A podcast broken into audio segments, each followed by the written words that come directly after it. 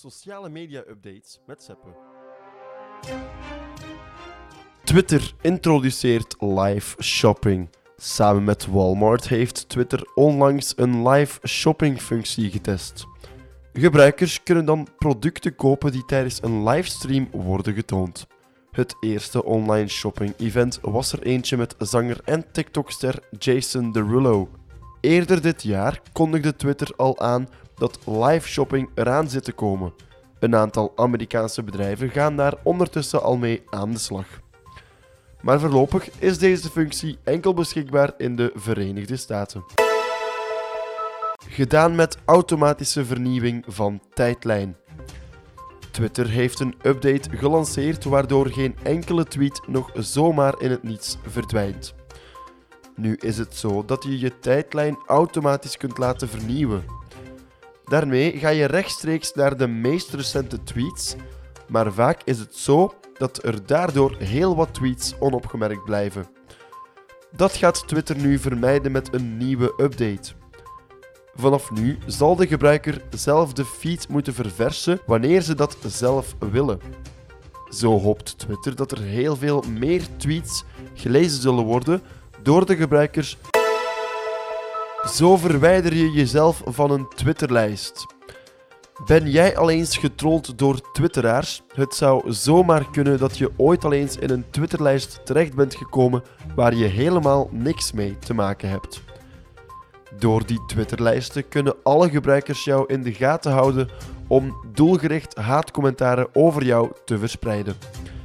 En daar wil Twitter nu vanaf. Je kunt jezelf vanaf nu dan ook laten verwijderen uit zo'n lijst. Check onze blog voor hoe je dat moet doen. Instagram vraagt voorlopig video-selfie. Instagram is bezig met een test bij verschillende gebruikers. De app vraagt hen een video-selfie te maken om te bepalen of het wel echt om een mens gaat. Maar de gezichtscan blijkt makkelijk te manipuleren. Zo zou een Barbiepop al genoeg zijn om de test te doorstaan. Bij de verificatie moeten gebruikers tijdens de gezichtscan hun hoofd een aantal keren ronddraaien en moeten ze in verschillende richtingen kijken. Deze test werd vorig jaar al een keertje gedaan. Toen bleek de tool nog niet op punt te staan. Maar nu is dat blijkbaar ook nog niet het geval. Instagram en Messenger pas in 2023 end-to-end encrypted. Meta, het moederbedrijf van Facebook, heeft aangekondigd dat het pas vanaf 2023 zal werken met de end-to-end encryptie op de apps Instagram en Messenger. End-to-end encryptie, of makkelijker gezegd versleuteling, zorgt ervoor dat niemand behalve degene die een online gesprek voeren mee kunnen lezen. Dat zit wel al in WhatsApp, maar dus nog niet in de andere Meta-apps. Ze nemen naar eigen zeggen de tijd om het systeem volledig uit te werken, zodat het vanaf het begin foutloos werkt. Verschillende critici zijn niet te spreken over de aankondiging van die end-to-end encryptie. Volgens hen werkt dat misbruik in de hand. Compleet vernieuwde desktop-app op Windows.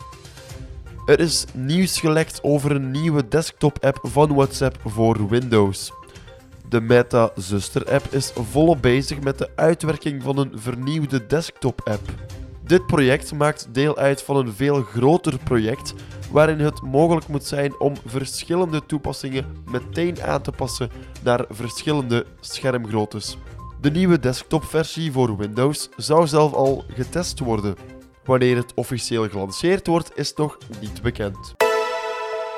WhatsApp krijgt emoji-reacties zoals Messenger. En in WhatsApp zal je straks met emojis kunnen reageren op berichten. Net zoals je dat nu al kan in de berichten-apps als Google Berichten en Messenger. De functie is al enkele maanden in ontwikkeling voor iOS. Maar nu werken de makers ook aan de functie voor de Android-app. Nu pas wordt het ook duidelijk hoe de functie precies zal werken. WhatsApp gaat je namelijk niet zomaar met emojis laten reageren op berichten, maar gebruikers krijgen ook de controle over die functie. Per individuele chat of in elke groepschat kan de functie ook uitgeschakeld worden. Op dit moment zijn de emoji-reacties nog in ontwikkeling en zijn ze nog niet beschikbaar voor beta-gebruikers. Het is nog niet bekend wanneer de functie officieel gelanceerd wordt.